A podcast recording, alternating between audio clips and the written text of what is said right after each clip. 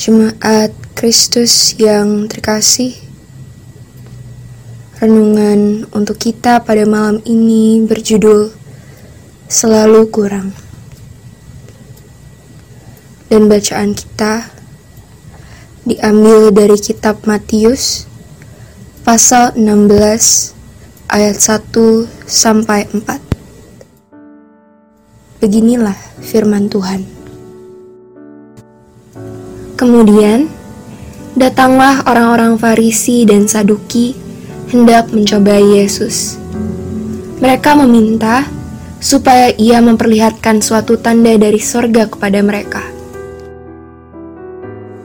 Tetapi jawab Yesus, "Pada petang hari, karena langit merah, kamu berkata, 'Hari akan cerah,' dan pada pagi hari, karena langit merah dan redup, kamu berkata, hari buruk. Rupa langit kamu tahu membedakannya, tetapi tanda-tanda zaman tidak.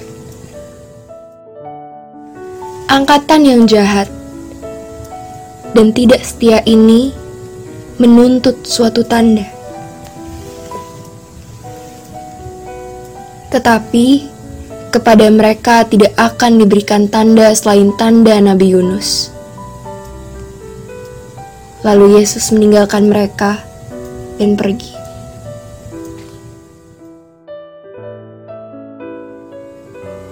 Salah satu relasi yang sebenarnya unik terjadi antara Tuhan Yesus dengan orang Farisi, Saduki, dan juga ahli Taurat.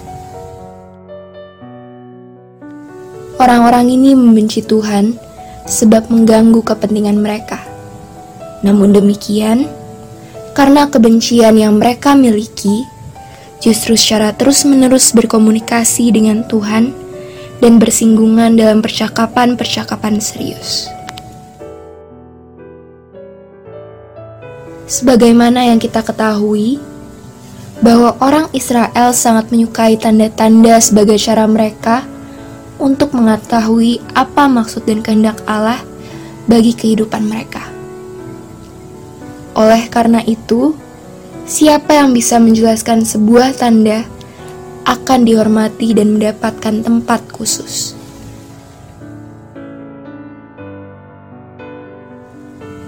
Tak heran bila mereka juga bertanya tentang tanda-tanda kepada Yesus. Namun konteksnya sedikit berbeda. Sebab mereka bertanya untuk menjatuhkan Tuhan. Mereka menunggu kalau-kalau Yesus keselip lidah dan mereka dapat membawanya ke mahkamah agama untuk diadili. Oleh karena itulah Yesus menjawab pertanyaan mereka dengan teguran yang keras.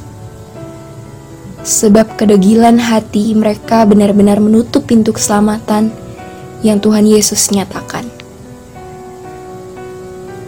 Kita sangat mungkin melakukan seperti yang dilakukan oleh orang-orang ini merasa kurang dengan segala sesuatu yang sudah dinyatakan Allah, dan justru menyalahkan Tuhan karena apa yang kita ingini tidak terpenuhi.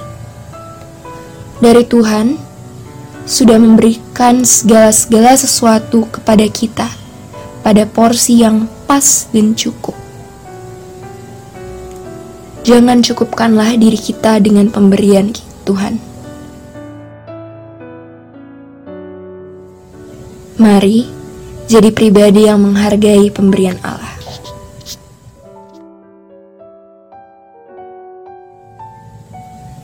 Demikianlah renungan malam ini. Semoga damai sejahtera dari Tuhan Yesus Kristus tetap memenuhi hati dan pikiran kita. Amin. Jemaat yang terkasih, Mari kita bersatu hati menaikkan pokok-pokok doa yang ada dalam gerakan doa 21 GKI Sarwa Indah. Mari kita berdoa.